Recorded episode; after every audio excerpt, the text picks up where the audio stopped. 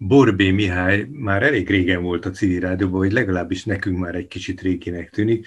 Borbé Mihály, aki jazzmuzikus, a Liszt Ferenc Zeneművészeti Egyetem jazz tanszakának a tanára, és most két olyan ürügy is van, ami felhozta, hogy jó lenne, ha beszélnénk. Két szakmai folyóiratban is ilyen múlt szavazások kapcsán az élre kerültél, Misi, úgyhogy egyrészt szeretettel köszöntelek itt a civil rádióban. Köszönöm szépen a meghívásnak, köszöntöm a hallgatókat, és köszönöm a gratulációt. Tehát a Jazzma nevű folyóirat szerkesztőségének egy szavazása volt, ahol ilyen kitüntető címeket kaptál, hogy a szakszofonos és klarinétos kategóriában, és aztán van a Magyar Jazz című szaklap, ott is már nem tudtam pontosan követni ezeket, de ezek mind remek helyre e, ítélt izgalmas címek.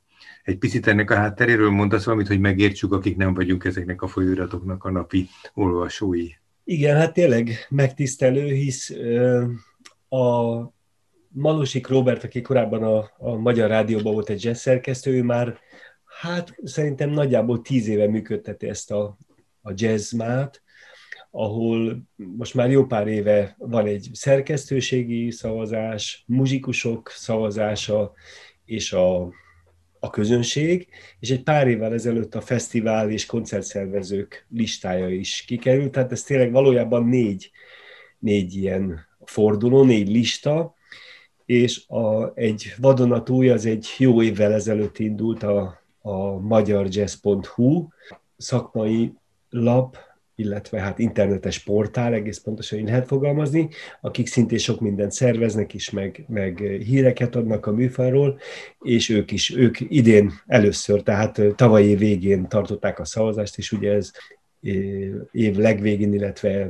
2021 elején jelentetik meg. Na, az a nagyszerű, hogy az egyiknél van külön klarinét kategória, van, ahol egyéb fúvós hangszerek, különleges hangszerek címszólat, így, így tárogatóval is volt valamelyik listán felkerültem, tehát ez ilyen egész, egész különleges dolog, és hát tudjuk a, a művészetekkel és a zenével kapcsolatban is a versenyek nem mindig jók, ugyanakkor egy kicsit ráirányítják a figyelmet a, a szakmára, úgyhogy tulajdonképpen ez a legnagyobb érdemel a közönség egy picit jobban odafigyel, sőt, szavaznak is, és azt hiszem, hogy semmelyik muzsikus, aki egy kicsit esetleg hátrébb vagy előlébb kerül, túlozottan nagy jelentőséget nem tulajdonít neki, tehát attól, hogy én X és Y előtt végeztem egy listán, nem feltétlen gondolom, hogy ez olyan sok mindent jelent, és ahol meg én lemaradtam, ott se gondolom, hogy ez nagyon sokat jelent. Hát ez azt jelenti, hogy jó helyén... hogy felemel néhány helyen, de nem taszít le sehol senkit. Így, így, így, ezt azt hiszem, hogy így kell fel, felfognunk uh-huh. mindenképpen, és mondom, ez a,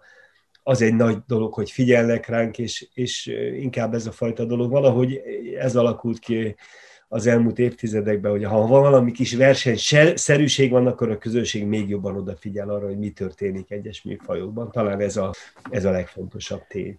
És ez a pandémiás év meg mondjuk külön jó, hogy kihozta, hogy egy kicsit azokra a műfajokra, meg azokra a szereplőkre terelődik a figyelem, akik most nem tudnak annyira a nyilvánosság előtt szerepelni, hanem inkább felvételekről. Tehát nyilván ez is egy kicsit a melengedheti, gondolom, a zenészeknek a szívét, hogy van egy visszajelzés, ha a közvetlen közösségi közönségtől koncerteken nem tud lenni, akkor legalább így. Így van, így van, teljesen egyértelmű, és hát tényleg nehéz év van mögöttünk, de hát ez úgy tudjuk összefoglalni, hogy hát meg annyi olyan szakma van, ahol tényleg nagyon-nagyon nagy nehézségek köszöntöttek rá az emberekre, és, és vállalkozások vagy egzisztenciák kerültek nagy veszélybe, úgyhogy ebben a zenész szakma is elég, a muzsikus szakma, akármilyen műfaj. Ugye nálunk, akik tanárok is vagyunk, van egyfajta biztos háttér a, a rendszeres jövedelem kapcsán, és hát én magam is úgy néztem körül, hogy kik azok a kollégák, akik esetleg segítségre szólulnak, tehát eh, ahol, ahol csak a koncertezésből élek, ott nyilván nehezebb a helyzet azt, hogy a, hogy a jazzben kerültél ilyen erőteljesen az utóbbi egy évben felszínre. Ennek egyik oka, hogy van, ami most indult el folyóirat, de, de van-e valami más oka? Én bennem hirtelen az, az jutott eszembe, amikor kerestelek, hogy mint a jó bor is, ahogy megérik, hogy a, a zenész is, vagy, vagy legalábbis Borbé Misi is, ami ismeretségi vagy általunk kedvelt baráti körből megért. Pontosabban valósa, valójában most ért meg, hogy a közönség is megértette, mert szerintem azért ez már potenciálisan jelen volt. Ugye te a népzenében is erőteljesen jelen vagy, az egyébként nem tudom, hogy mennyire hatott. Te, hogy látod, hogy, hogy mi lehetett a, az oka, hogy most, most sikerült ennyire ilyen figyelem köz, középpontjába kerülni?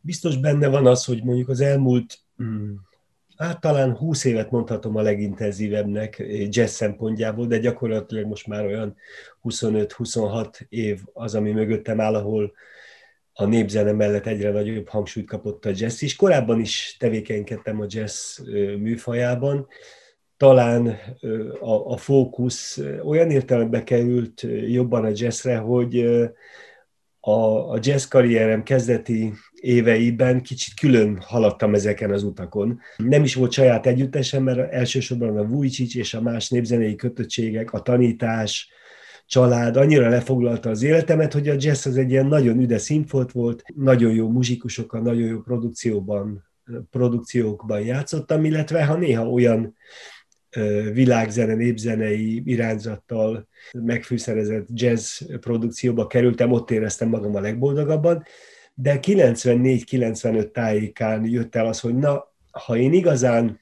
őszintén akarok a színpadon zenélni, akkor nekem muszáj saját zenekart csinálnom, mert ott találkoznak azok a zenei hatások, amelyek az életem során értek engem, és, a, és azóta vannak saját együtteseim, és, és e, ezekben elsősorban, hát ahogy, ahogy kérdezted is, igen, nagyon jelentősen benne van a népzene, néha áttételesebben, néha direktebben, nagyon sok mindentől függ a, a muzsikus kollégáktól, az én adott szerzeményeimtől, de tulajdonképpen még ha, ha valamelyik szerzeményemre ránéznék, vagy akár lemezen megszólaló formájára, és azt mondanám, hogy na ez leginkább ilyen modern, mainstream jazzhez közeli, vagy egy szabadzenei dolog figyelhető meg benne.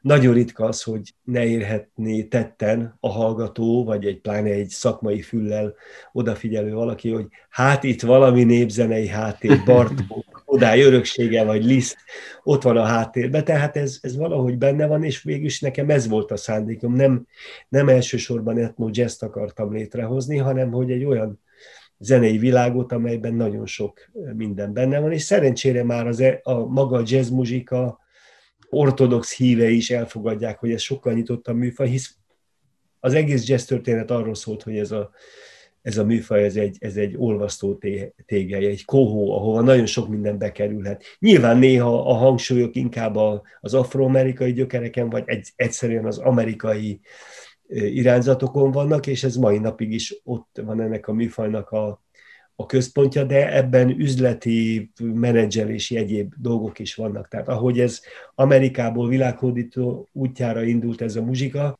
ez szerintem most már olyan dolog mindig is oda tekinteni, vagy mindig csak azt venni referenciának, mint hogyha azt mondanánk, hogy a klasszikus és a kortár zene az csak Bécsből nézhető, mert hát a bécsi klasszikából nőtt ki. Akár a romantikát nézzük, a 20. századi zenét, ugye Schönberg, Weben, de ha mondjuk Bartókra gondolunk, akkor az ő, ő számukra is nagyon fontos volt ez a fajta fogódzópont. Tehát ez, ezek, ezek nagyon fontos tények, hogy honnan indult el valami, és mi, milyen módon színeződött. Most már azt hiszem, hogy a jazznek nagyon sok izgalmas kísérlete, és nagyon sok megszólalás karakterisztikusan máshova kötődik. Tehát meghalunk egy zenét, és azt mondjuk, hogy igen, ez jazz, de ez, na, ez valahonnan keletről jön, ez északról jön. Hát a skandináv jazz egy tipikusan olyan műfaj, ami megszólal három hang, és rögtön tudjuk, hogy ez ez a skandináv jazz, és ez biztos, hogy nem uh-huh. fekete amerikai muzsikusok hozták létre, és ez szerintem így van jól, mert így őszinte ez a muzsika. Na és hát ugye a fölkonferálásban a Zenemvészeti Egyetemre hivatkoztam, de az már egy kicsit a tanítás jelenti, de ami most egy külön érdekesség, hogy volt a közelmúltban ez a jazz showcase, ez a, ez a nagy jazz kirakat, vagy jazz bemutató, és ennek voltál te a zsűri elnöke ráadásul. Az azt jelenti, hogy rálátásod lehet a friss, feljövő szakmabeliekre is, legalábbis ez egy jó kis keresztmetszetet nyújthatott. Igen, a, a MIPA rendezte ezt a jazz showcase már 14. alkalommal. Tavaly voltam először a zsűriben, és akkor is már zsűri elnökként, és idén megtisztelő módon még egyszer felkértek, és ez, ez adta a különlegeségét, ez az online uh-huh. megvalósítás. Tehát felvették ott egyébként fantasztikus profizmussal a MIFA, MIPA Fesztivál Színházában a hat zenekar 45-50 perces fejenként műsorát felvették, és azt mi végértékeltük, és, és elképesztő volt látni, hogy ezek a rendkívül fiatal és tehetséges muzsikusok micsoda odaadással és micsoda ö, alázattal álltak a, a feladathoz, és tényleg szívet melegentő volt az egész esemény. Ez még fel fog kerülni a, a MIPA Home-nak van egy ilyen tehát oldal, ahol a, mint videótár is felkerülnek a uh-huh. koncertek, és mindenkit buzdítok, hogy, hogy nézzen rá, hogy mit, mit hoz a jazz jövője.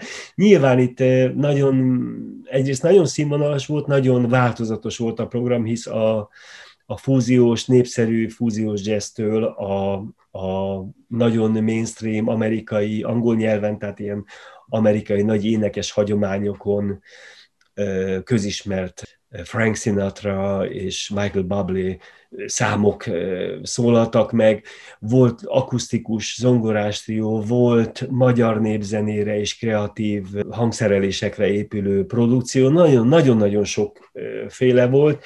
Volt egy, egy trió, akik a Schneeberger zenei központban mélyítették el a tudásukat. Az átlag életkor kb. 18 és fél év volt. 18 éves volt, meg egy talán 19-20 felé járó rendkívül öreg tagja a triónak, tehát és szerint azt hiszem, hogy itt a versenyben is talán 30 év a, a felső korhatár, de nagyon ilyen, ilyen tényleg a, a, a legtöbben 20 és 25 év között voltak.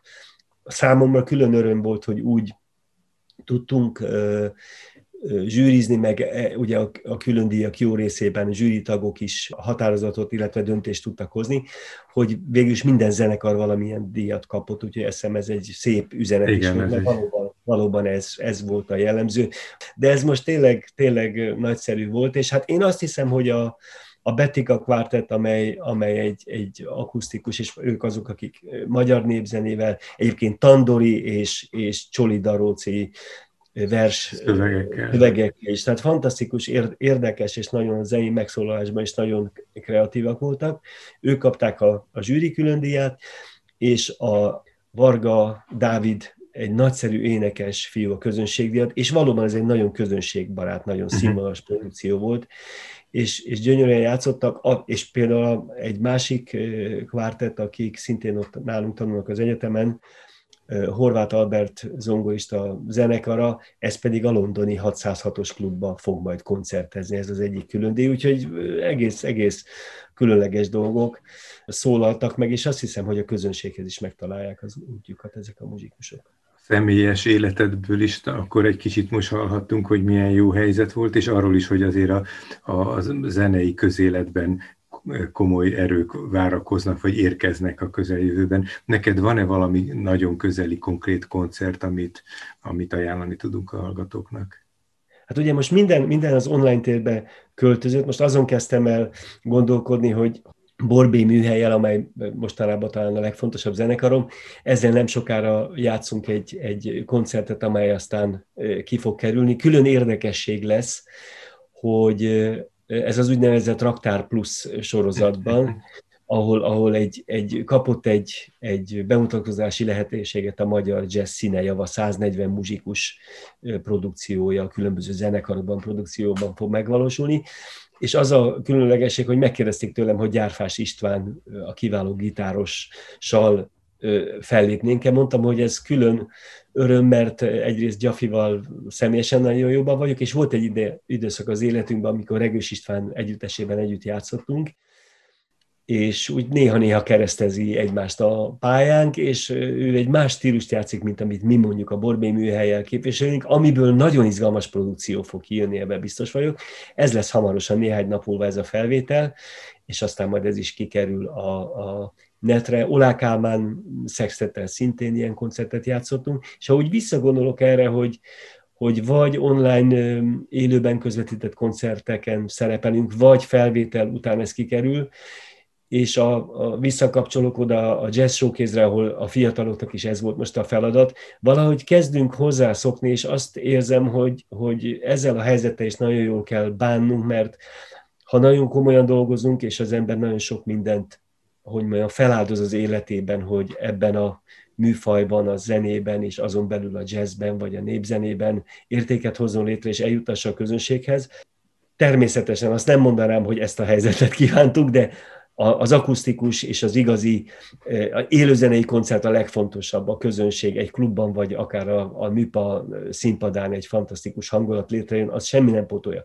De ha elszalasztjuk azt a lehetőséget, hogy ülnek egy laptop, egy telefon, vagy egy képernyő előtt a, azok, akik kíváncsiak a produkcióinkra, és ha nem úgy tudunk muzsikálni, hogy az az éteren keresztül is megrezgesse egyrészt a világegyetemet, másrészt az ő szívüket, lelküket, akkor elszalasztottunk egy fontos lehetőséget. Tehát ez most egy új kihívás számunkra, és nagyon résen kell lennünk, mert, mert értékeket tudunk létrehozni, és azt el, el tudjuk jutatni a közönséghez, úgyhogy továbbra is nagyon intenzíven kell dolgoznunk.